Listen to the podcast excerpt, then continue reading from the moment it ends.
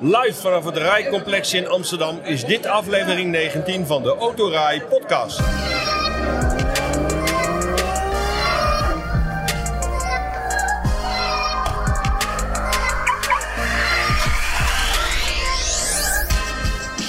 De Autorij Podcast is de talkshow over auto's, autonieuws, actualiteit, alles over auto's en mobiliteit, direct of indirect verbonden met auto's. Aan tafel zit al Max Veldhuis, redacteur van Autorij.nl en deze keer zijn we aanwezig in de Rij in Amsterdam. U hoort het veel omgevingsgeluid, maar ja, het is wel leuk bij zo'n live opname. En hier heeft zojuist het symposium Mobility Shift 2023 plaatsgevonden. En diverse sprekers daarvan zullen hier aansluiten in de podcast. Totaal vijf. Af en toe dus wat geschuifel met stoelen en microfoons. Maar dat hoort erbij. En naast mij zit al een van de gasten. Hij is eigenlijk een beetje vaste gast aan tafel in, de, in onze podcast. De algemeen directeur van de rijvereniging, Olaf de Bruin.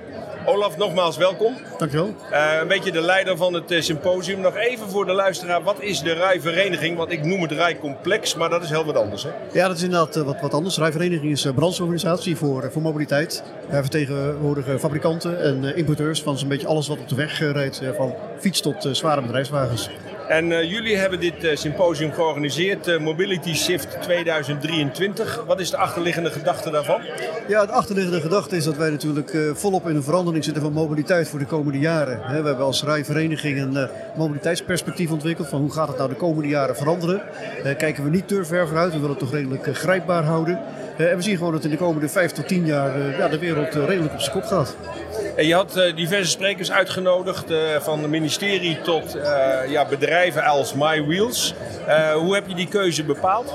Ja, we hebben vooral gekeken naar waar, waar zien we die grote veranderingen plaatsvinden op dit moment. Hè? En dat is dan niet alleen zeg maar, dat we naar duurzame energie gaan, dus elektrificatie en dergelijke, maar deelmobiliteit is een grote verandering in de markt. connectiviteit van auto's, wat gaat dat allemaal betekenen?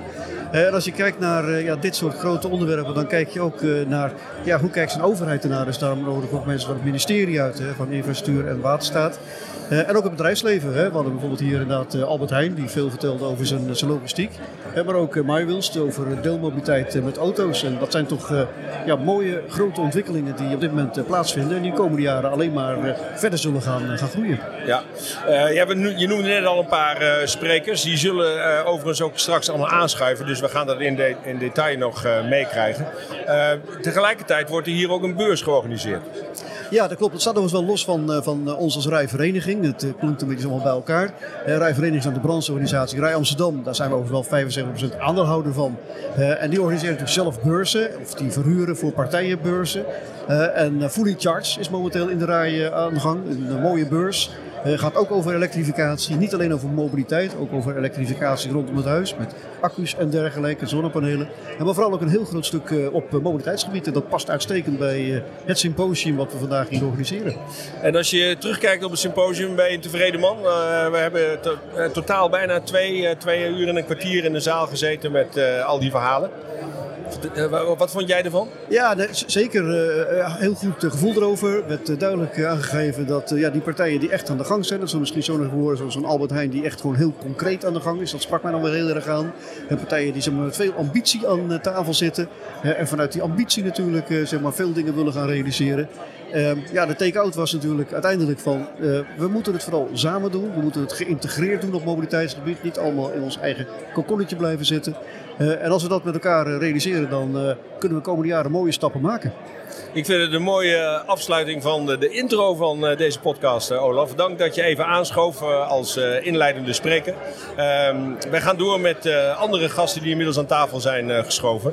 de naam is net al even gevallen. De onderneming MyWheels. Aan tafel zit de manager Public Affairs van die onderneming. Dani Sprecher. Welkom uh, Dani. Dankjewel. Uh, nog even voor de luisteraars. We zien het wel uh, rondrijden in Nederland. Wat is MyWheels? Het is een aanbieder van de deelauto. De deelauto die op straat staat, dus die in het publieke terrein staat, die je gewoon kan pakken met een app in je telefoon. En je hebt verschillende modellen. Bij ons moet je hem weer terugbrengen waar je hem hebt opgehaald. Dus het is net een eigen auto. Uh, kruip even goed in de microfoon, want we hebben veel om omgevingslawaai. Zorg dat er 1 of 2 centimeter tussen zit, dat scheelt weer. We, nemen dit altijd in één keer op, dus we kunnen niet knippen en plakken.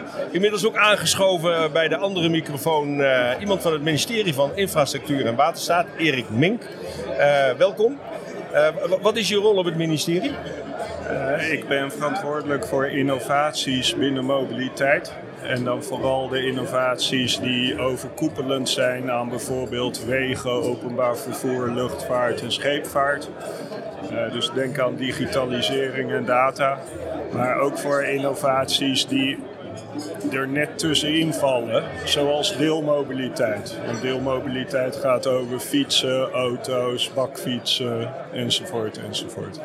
Ja, en MyWheels is vooral auto's, alleen maar auto's. Wij zijn op dit moment alleen maar auto's, uh, maar wij zijn onderdeel van een grotere groep, de Sharing Group. En daaronder hangen labels zoals Cargaroo, dus ook bakfietsen. En wat we ook aan het doen zijn, dus eigenlijk een model van de toekomst, is dat we een gesloten energiesysteem proberen te creëren. Dus dat is ook mooi innovatief. Dat kan Erik zeker waarderen. Dus uh, dat je de deelauto als wijk kunt gebruiken als wijkbatterij. En dat iedereen vehicle to grid, zoals dat heet, kan chargen. Dus dat je eigenlijk als de zon schijnt de auto oplaadt en dat je s'nachts uit de auto de stroom haalt om de was te doen.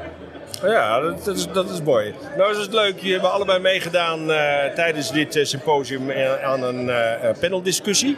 En dat ging over deelmobiliteit en daar werden vragen gesteld aan de gasten in de zaal. Er waren ongeveer 140. Dus je kreeg een redelijke steekproef. En een daarvan was, is deelmobiliteit een niche product of een game changer, werd er gevraagd. En de uitslag was aan het begin van het symposium, 69% vonden het een niche product. En de rest dus een game changer. Wat, wat vond jij daarvan, Erik? Was je het eens met dat niche product of juist met die game changer? Ik was het eens met een niche product, maar ik had daar wel meteen een nuance bij dat je als niche product ook een game changer kunt zijn. Dus ehm, we gebruiken ook niet allemaal iedere dag het vliegtuig. Um, het is een niche, maar wel een niche die ons heel vaak uh, op, vakantie brengt. Nou ja, en, en zo zit ik meer te denken. Openbaar vervoer, idem dito. Het is onmisbaar, maar je hoeft het ook niet elke dag te gebruiken. En hoe stond jij erin? Ik denk dat jij het anders zag, hè, uh, Dani? Ja, absoluut. Kijk, ik zie het als gamechanger. En ik denk ook dat uh, de onderzoeken uitwijzen dat het een gamechanger is. Dus het meest recente onderzoek wijst uit dat als je een deelauto neerzet, dat je een netto reductie van 14 auto's op straat kunt realiseren. Nou, als dat geen gamechangers, weet ik het ook niet meer. De vraag is meer, oké, waar zijn we op dit moment? Uh, ja, het is nu nog klein, dan kun je het een niche product noemen, absoluut. Ja, ik, ja, haak maar in. Ik, ik gaf dus aan, hè, je kunt als niche ook gamechanger zijn. Dus uh, in, in extremo zou je kunnen zeggen, als, als auto's 95% van de dag stilstaan en je hebt er nu bijna 10 miljoen, kun je in de toekomst misschien met 5 miljoen uh, auto's toe, waarvan 1 of 2 miljoen deelauto's. Alleen niemand heeft een glazen bol. Dus uh, is dat de game changer of blijft het bij 100.000 deelauto's in de toekomst? Dat weten we gewoon niet. Nee, kijk, dat, dat, is absoluut waar. En, en we hadden het ook net nog even over, die vind ik ook wel leuk om te noemen. Wat is eigenlijk de definitie van een niche natuurlijk, hè? Ja, in die zin is het een moeilijke stelling. Ja, ja. ja maar het moet ook een beetje bij een symposium, een beetje prikkelende stelling, ja, Absoluut. Ja, wou je nog wat zeggen? Want anders haal ik er nog een andere stelling bij. Ja, nee, ik denk over dit onderwerp uh, voldoende gezegd. Ja, want er was nog een andere interessante, zeker voor jou, uh, Dani. Er werd uh, gezegd, we lopen tegen aanzienlijke obstakels aan bij het breder inzetten van deelmobiliteit. Er was een vraag aan de zaal. En de zaal vond 91% was daarmee eens. Dus aanzienlijke obstakels. Hoe zie jij dat? Ja, ik vind het eigenlijk natuurlijk wel interessant, want uh, uh, wat, wat, de zaal dan eigenlijk gezien heeft als obstakels. Um, ja, dat is een breed begrip. Het is een beetje algemeen, maar goed. Nou goed, wij, kijk, wij zien, um, wij lopen tegen wat obstakels aan. Dat zit hem vooral in, we hebben het ook over gehad, dat het is gewoon iets wat werkt, het moet gefaciliteerd worden. Dus zodra een gemeente of een regio of de overheid um, eigenlijk regeltjes gaat bedenken die nieuw zijn, zeg maar, dan is dat per definitie een obstakel. Um, even scherp gesteld, dat is allemaal niet nodig, het regelt zichzelf. Wat we juist zouden willen, en dan verleg ik hem even, is meer, dat het meer gestimuleerd wordt. Dat we meer met z'n allen zeggen, we gaan die stip aan de horizon werken. En dat gebeurt ook wel, zeker onder het, uh, ja, onder team van Erik, zeg maar, dat we echt aan het kijken zijn hoe kunnen we met z'n allen dezelfde data gaan delen met alle steden, zodat we goede meetpunten hebben en van daaruit goede onderbouwing hebben om die stimulans in het beleid op te nemen. In dat licht bezien uh, wil ik zo Ja, daar misschien even ik op inbraken. Ehm, onlangs is er natuurlijk, ik woon zelf in de gemeente Amersfoort. En ja, dat zal jullie vast niet ontgaan zijn. Bij de verkiezingen is er ook een eh, raadgevend referendum geweest in de gemeente over het parkeerbeleid. Eh, waarbij de gemeente eigenlijk zei, nou op termijn willen we het aantal parkeervergunningen per huishouden willen we terugbrengen. En in plaats daarvan komen dus hubs waar je je auto neer kunt zetten. En vervolgens met ofwel deelvervoer, ofwel OV, ofwel fiets eh, verder kunt reizen. Maar goed, 74% van de inwoners eh, stemde eigenlijk tegen dat plan. En ja, wa- wa- wat is, wat is jullie reactie daarop? Wat valt er nog te winnen daar? Voor de gemeente bijvoorbeeld. Maar ook voor eh, aanbieders van deelvervoer en eh, überhaupt het hele concept. Ja, ik snap heel erg dat mensen zo reageren, want wie weet überhaupt wat een hub is? Of wie Ja. weet wat deelmobiliteit is? Maar wat Dus- is, wat is een hub? Eh, een hub is een verzamelplaats waar je eh, privévervoer kunt neerzetten en deelvervoer. En dan heb je ook nog deelver- deelmobiliteitshubs, waar bijvoorbeeld deelfietsen en deelauto's beschikbaar zijn. Dus hier heb je het al. Ik ben expert op dit gebied en ik moet meteen twee definities geven. Dus ik, ik, ik denk heel erg dat we het is dapper om dit soort voorstellen te doen. Ehm, het geeft ook weer hoe mensen er nu over denken. Maar ik denk dat we ehm, echt van meningen naar feiten moeten. En dus moeten we eerst uitleggen wat een hub is. Ervaring opdoen met wat de impact van een hub is. Als je erbij had gezegd dat het bijvoorbeeld leidt tot meer groen op straat. Kinderen die weer op straat kunnen voetballen. Dat we meer Johan Cruijffjes krijgen. ah, was het misschien wel anders uitgepakt. En dus, dus ik vind het... Ik, ik denk dat een Amersfoort best een voorloper is met deze gedachte en een referendum. Maar ik denk dat je altijd heel erg eh, de burger ook mee moet nemen in wat is dit en hoe gaat het. En ja, eh, Dus de gemeente, de gemeente had eigenlijk al gewoon iets meer eh, vooruitleg moeten geven voordat je zo'n referendum de wereld in helpt. ik, ik woon niet in Amersfoort, dus ik weet niet wat er allemaal is uitgelegd. Aan mij was het ontgaan in ieder Maar geval. ik, dus, zie, ja. ik zie wel dat het zelfs onder beleidsmakers nog best wel onduidelijk is eh, wat er allemaal wel en niet kan, hoe het precies zit. Dus je- ik denk dat we nog heel veel ervaring moeten opdoen. En op die manier er ook achter komen wat werkt wel voor eh, Dani zijn bedrijf, mij Wils en wat werkt niet. Eh, dus misschien iets te vroeg. Ja. Ja, ik denk dat hier wreekt het zich eh, dat het in zekere zin dan nog een niche-product is. Kijk, een klein deel van de mensen in de stad Amersfoort gebruikt het, is er fan van, overweegt het. Een groter deel ja, kent het nog niet, overweegt het niet, heeft nog een eigen auto. Eh, als je dan vervolgens aan de hele stad gaat vragen, ja, willen jullie beleid wat eh, zich vol eh, richt op deelmobiliteit en niet op de eigen auto, ja, dan krijg je dus zo een uitslag. Namelijk het grootste deel van de mensen zegt, nou hoeft voor mij niet. Is begrijpelijk en ik het is des te mooier dat Amersfoort het toch geprobeerd heeft. Dan zie je dat ze echt voorop lopen. Jammer dat het niet is gelukt. Betekent niet dat dat bijvoorbeeld een drempel is voor ons. Het was een extra stimulans geweest.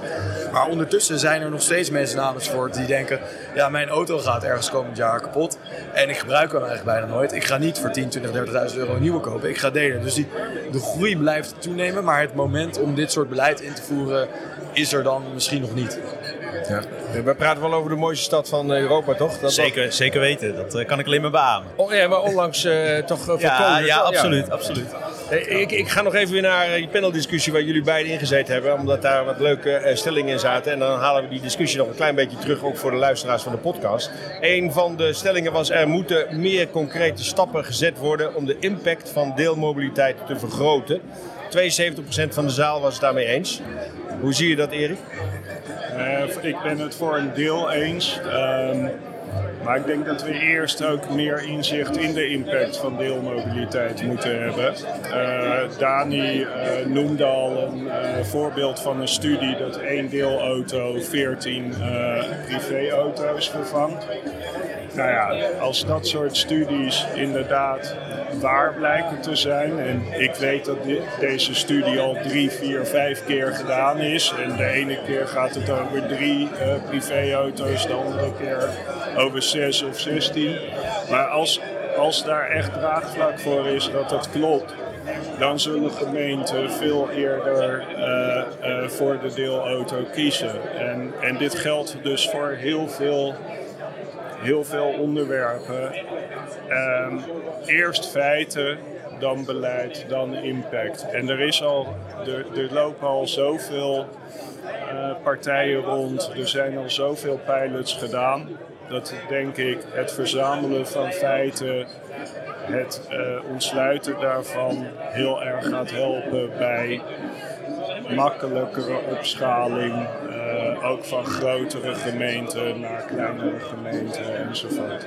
En, en voor jou concrete stappen in die stelling, uh, Dani? Nou ja, ja ik popel om hier natuurlijk wat over te zeggen. Kijk, die drie, wat het is, is er is een ondergrens. En die ondergrens en bovengrens, die, die zijn omdat je de ene keer midden in de stad zit en de andere keer aan de rand van de stad. Dus het is niet zo dat er verschillende onderzoeken zijn die verschillende dingen zeggen. Ze zeggen in toenemende mate een hogere bovengrens. En dat is logisch, want de adaptatie neemt toe. Dus het was voorheen 3 tot 11 of zo. En nu zien we dat het al tot 14 is. Um, ik denk, uh, en dat zeg ik ook vaak tegen collega's van Erik, dat de kennis er al lang is. En uh, dus hier, dit is dan een goed, goed gesprek. Maar ik vind het heel jammer dat de overheid nog zegt ja, we moeten de kennis nog verzamelen. Zo dan denk ik, oké, dat kan vanmiddag. Hè. We hebben al die linkjes op de website Coalitie Autodelen staan. Er staan al die onderzoeken. De kennis is er. En wat we dan ook wel eens horen van de overheid. Ja, maar het PBL moet het nog doorberekenen. En denk ik, oké, maar waar, waar, wachten we dan op? Laat het PBL het morgen doorrekenen. En dan kunnen we aan de slag. Dus ja, dat, dat punt, dat vind ik eigenlijk wel interessant dat Erik dat dan nu noemt. Want ik denk dat die kennis er is. Ja, ik, denk, ik denk dat het echt nog tegenvalt. En um, ik, denk, ik ben heel blij dat alle lokale overheden nu die kennis willen opbouwen. Ook de belemmeringen weg willen halen. Um, maar ik denk dat de kennis nog onvoldoende is, vooral voor andere steden dan de grote vijf. Uh, de grote vijf hebben we redelijk in beeld, maar op het moment dat we het gaan hebben over deelmobiliteit in, ergens in Zeeland of, uh, of Friesland, dan ligt het anders. En ook rond een Amsterdam het hartje van Amsterdam is echt anders dan de Belmer. En, nou ja, dat is waarschijnlijk de ondergrens die Dani ook noemt. En dat zoeken, nou ja, daar hebben overheden misschien ook gewoon wat meer zekerheden nodig. Nou, het is een interessant punt wat Erik hier maakt. Um, Natuurlijk is het zo dat de vervangingsratio in Zeeland heel anders ligt. Maar kijk, we zijn nog heel klein. We moeten beginnen en we moeten tempo maken. En als we het hebben over Amsterdam, we zijn al veel verder. Ik kan zo een scherm laten zien waarop je ziet dat het in Almere een gigantische vlucht heeft genomen. In Zaandam een gigantische vlucht. Dat 30 mensen per maand die auto gebruiken. Al die data is er. Ik kan me heel goed voorstellen, ik bedoel het niet dat uh, Erik dit had moeten weten. Ik kan me voorstellen dat wij dit beter moeten gaan delen. Maar, dus dat is dan een uitdaging voor ons. Maar het is echt niet zo dat het alleen maar in de grote steden al feitelijk werkt. Het werkt in Nijmegen, het werkt in nou ja, al die steden. Um, kan er nog tien noemen. Maar inderdaad, als je het gaat hebben over Middelburg, ja goed, daar hebben we niet 30 auto's van rijden. Maar dat betekent niet dat we niet door moeten met z'n allen. En dat we niet moeten inzetten op die verdere groei in kleine steden. We gaan uh, zo door naar een ander onderwerp. Erik uh, uh, Mink van het ministerie van Infrastructuur en, Waterstaat, hartelijk dank voor je bijdrage aan deze podcast.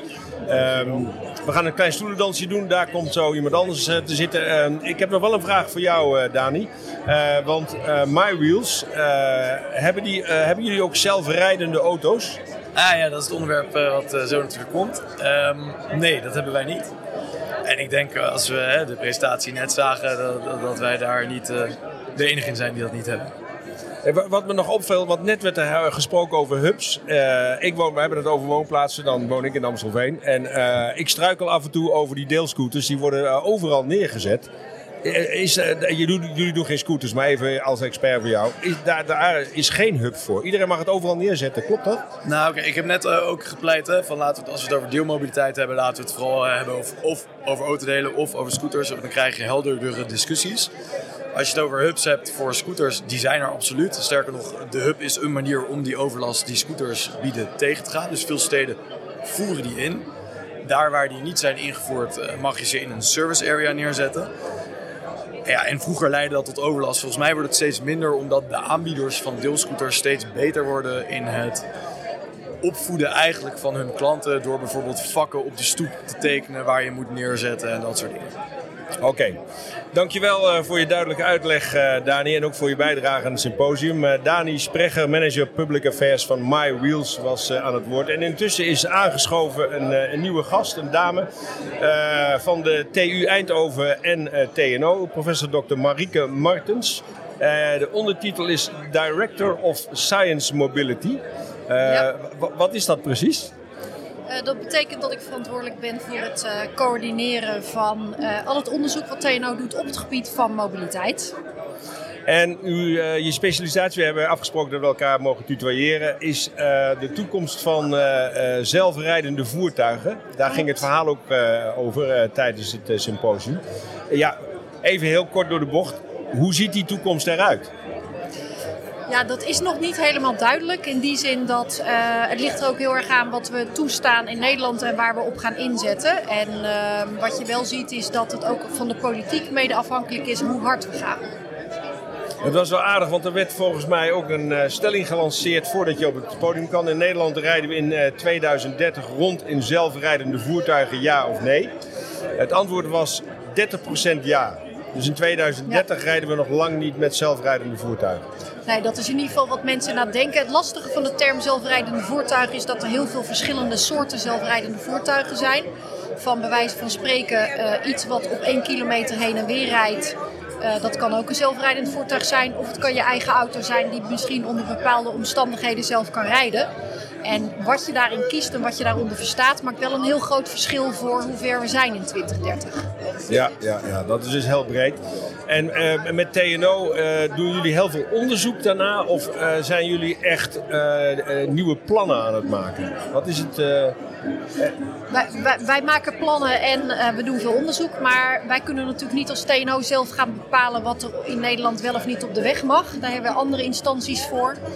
Uh, maar wat wij wel proberen te doen is ervoor te zorgen dat we A, een stuk technologie ontwikkelen.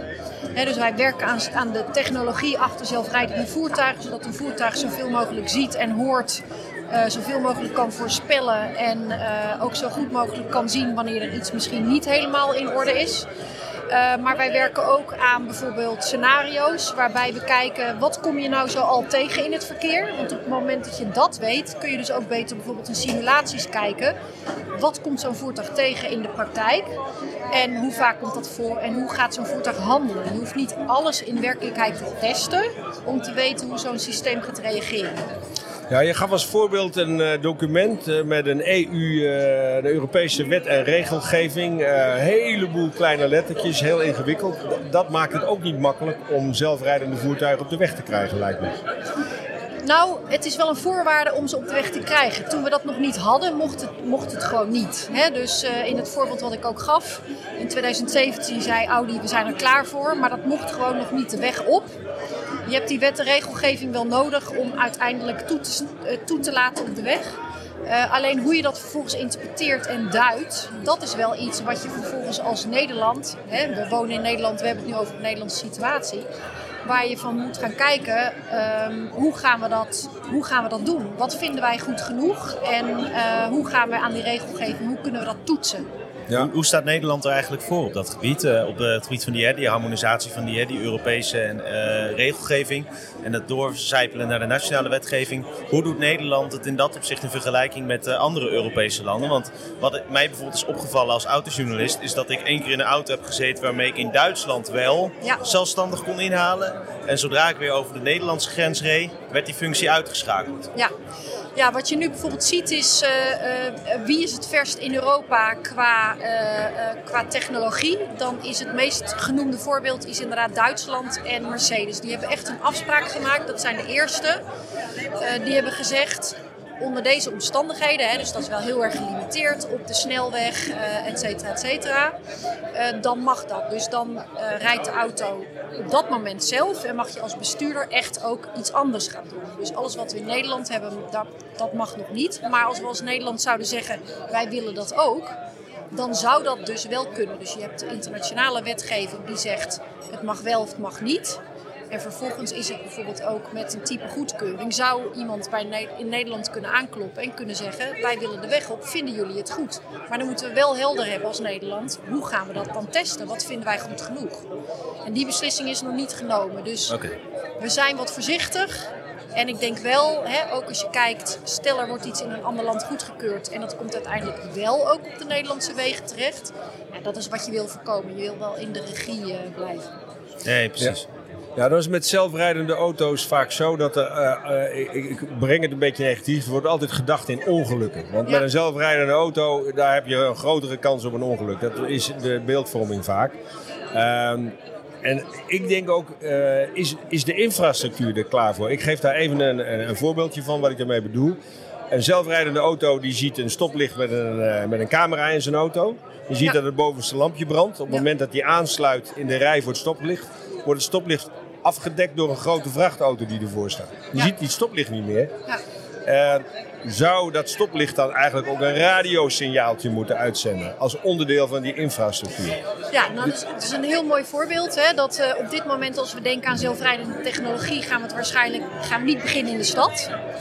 Uh, en gaan we beginnen op de snelweg, want daar is het nog iets makkelijker, iets voorspelbaarder verkeer. Dus laten we daar nou eens beginnen. Maar we zijn al heel lang proeven in het doen in Nederland met um, pratende verkeerslichten, zoals we dat noemen. Uh, maar eigenlijk alle infrastructuur kan al in theorie met het voertuig spreken. En op het moment dat er heel veel informatie wordt uitgewisseld, dan kun je dus ook sneller dingen zien. Kun je uh, voorspellen wat er gaat gebeuren. En dat heeft wel enorm veel meerwaarde. Maar je moet het dan wel zo doen dat je daar niet afhankelijk van bent. Dus als jij, een, als jij alleen maar kunt rijden op het moment dat er een verkeerslicht is wat met jou praat. En de helft van de verkeerslichten praat nog niet met jou. Dan moet ja. je wel weten wat je in die gevallen gaat doen. Maar het zou wel gaan helpen. Want dan heb je gewoon twee bronnen van informatie. Ja, ja. Maar nou uh, noemde je net iets uh, even heel snel. Laten we in ieder geval niet in de stad beginnen. Uh, nou ben ik eigenaar van een auto die zelf kan rijden. Ik ga geen namen noemen, maar dan... dat kan niet, die bestaat namelijk nog niet. ja, ja, ja. Semi-autonoom. Semi-autonoom, dan moet je je handen nog een beetje bij het stuur ja, houden. Ja, ja. ja. Maar dan ben ik dus eigenlijk, als ik het goed wil doen, moet ik eigenlijk buiten de stad dat uh, fenomeen gebruiken en in de stad niet. Uh, dat, dat lijkt me sowieso een goed idee. Nou wil ik wel echt even uh, helder maken dat dat is echt geen zelfrijdende auto. In die zin dat je zelf als mens 100% verantwoordelijk bent. Dus het voelt als een zelfrijdende auto. En daar staat wel een stukje gevaar in. Omdat er wel wordt gezegd, je moet zelf heel goed opletten. Maar het voelt niet alsof het hoeft. Maar het is wel formeel wettelijk zo dat jij 100% verantwoordelijk bent en moet opletten. Um, maar ook als je kijkt waar dat soort systemen beter werken en minder goed werken, dan zou ik inderdaad echt aanraden: doe het niet in de stad. Tenzij je heel erg goed je technologie in de gaten houdt, heel erg goed oplet, heel scherp op bent. Dan kun je best kijken hoe die het daar doet. Maar alsjeblieft, let ontzettend goed op. Ik zou daarvan uh, ook wel even een bruggetje willen maken naar het, hè, het, ethische dilemma wat mensen vaak aanhalen als het gaat om zelfrijdende auto's.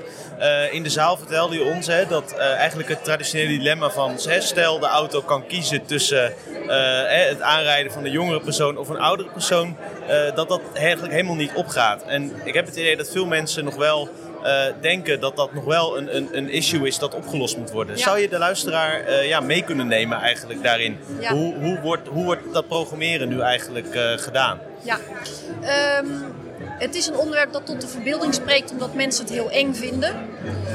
maar er wordt geen enkele auto geprogrammeerd om iemand dood te rijden. Dus dat is wel heel belangrijk. Het is iets waar mensen zich zorgen over maken. Juist omdat er heel veel onderzoeken gedaan zijn naar wie vind jij dat er in zo'n geval doodgereden moet worden.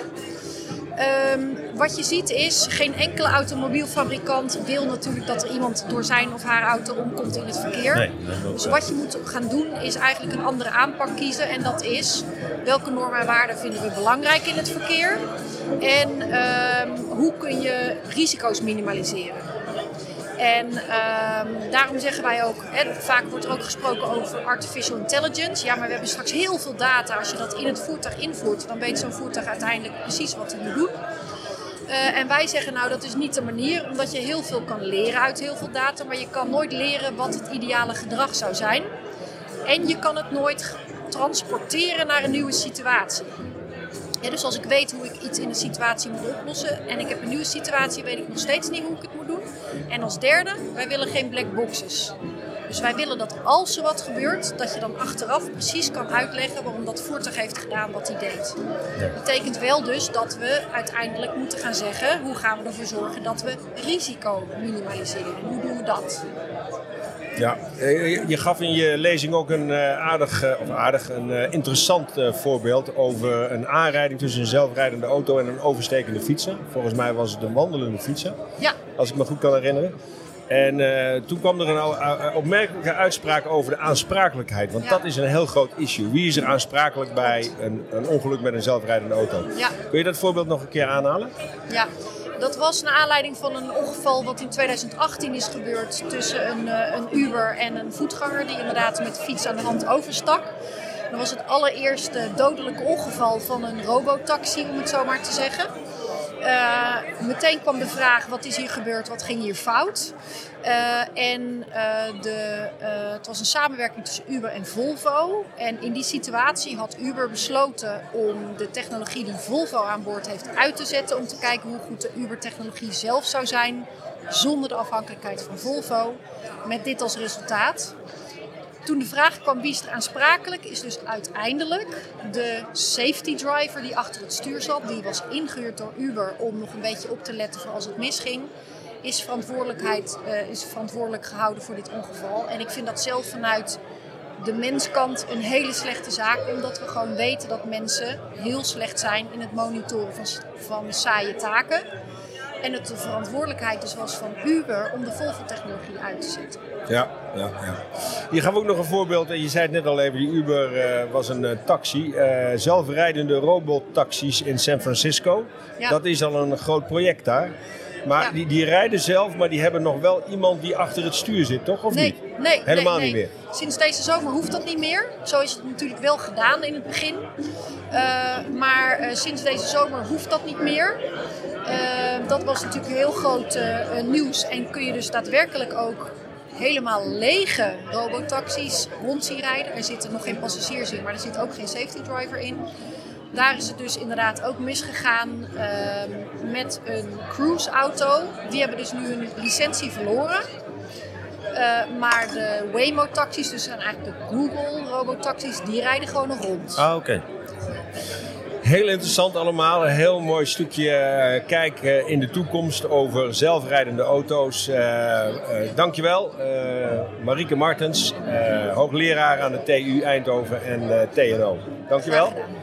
Eh, inmiddels aangeschoven eh, achter de andere microfoon. eh Annemieke Sirre, de directeur transport bij Albert Heijn.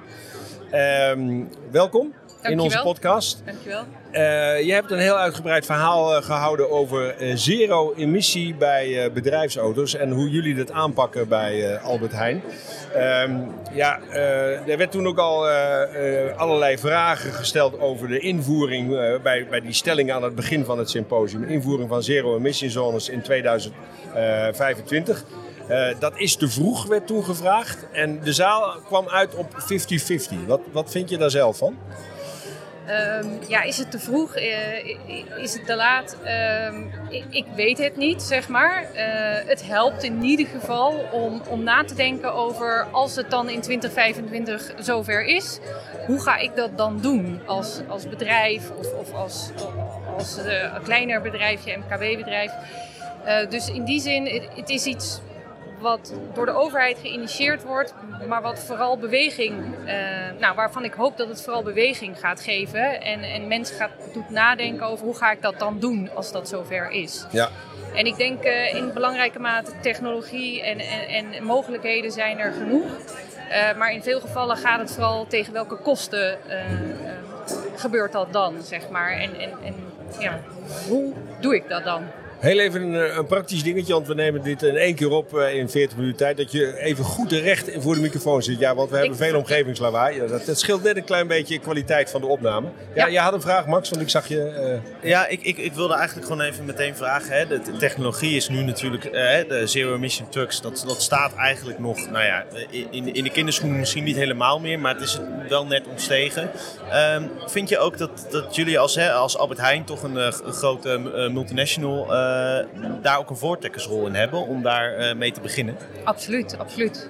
Ik denk dat we als Albert Heijn heel goed kunnen laten zien uh, dat het mogelijk is. En, en, en, en dat we ook met, nou ja, als voorbeeld kunnen dienen, maar ook als inspiratie kunnen dienen. Maar misschien ook wel als vraagbaar kunnen gaan dienen voor, voor ondernemers die op zoek zijn van... Ik wil ook de eerste stap zetten, maar hoe doe ik dat dan? En, en de kennis uh, uh, eventueel bij ons kunnen komen ophalen om, om die stap ook te gaan maken. Want wat wij geloven erin dat het mogelijk is, vandaag al, dat doen we ook al in vier steden. Uh, en ik denk zeker naar 2025 toe dat het, dat het alleen maar meer mogelijk wordt. Ja, ik heb wat cijfertjes opgeschreven van, uit je lezing. Uh, van 58 naar 126 elektrische trucks in 2024. Dat is, dat is een verdubbeling, meer dan een verdubbeling. Ja. Uh, en, en blijft dat ook zo doorgaan? Is dat jullie planning om het elke keer met dergelijke stappen te vergroten? Ik weet niet of het iedere keer een verdubbeling zou doen. Want ja, dat kan ook niet helemaal. dan, dan wordt het wel een, een, een, hele kleurrijke bloeding. Maar ik denk zeker dat die groei er niet meer uitgaat. Uh, na 2024 zullen we zeker, uh, of in 2024 zullen we zeker gaan kijken wat we in 2025 ook kunnen gaan doen. En we geloven echt dat we richting 2030 uh, uh, geen enkel voertuig op diesel meer nodig zullen hebben om, uh, om onze winkels te bevoorraden.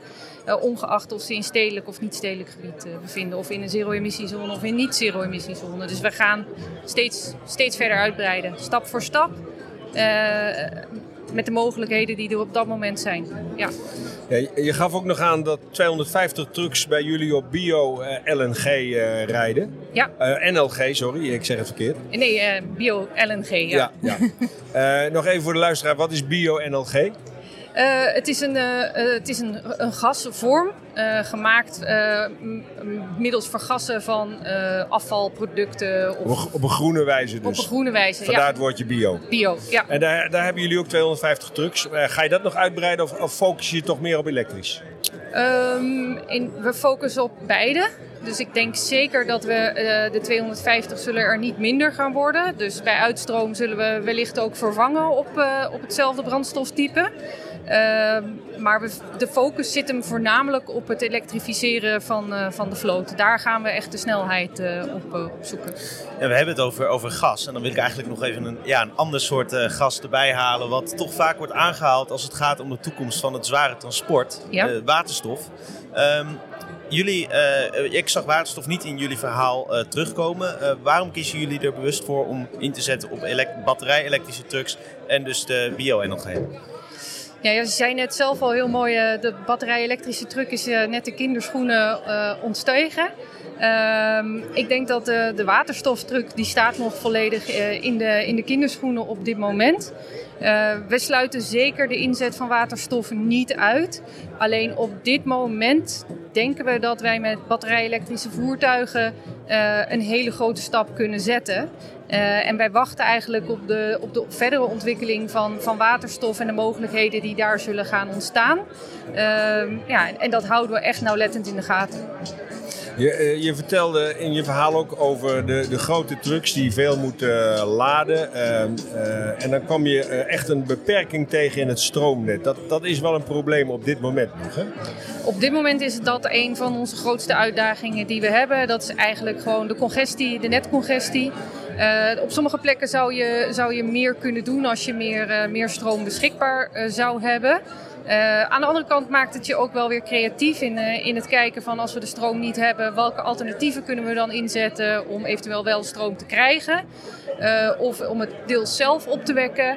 Ehm, maar blijft dat dat wel op dit moment voor ons de, een van de grootste uitdagingen is die we hebben. Ja, absoluut.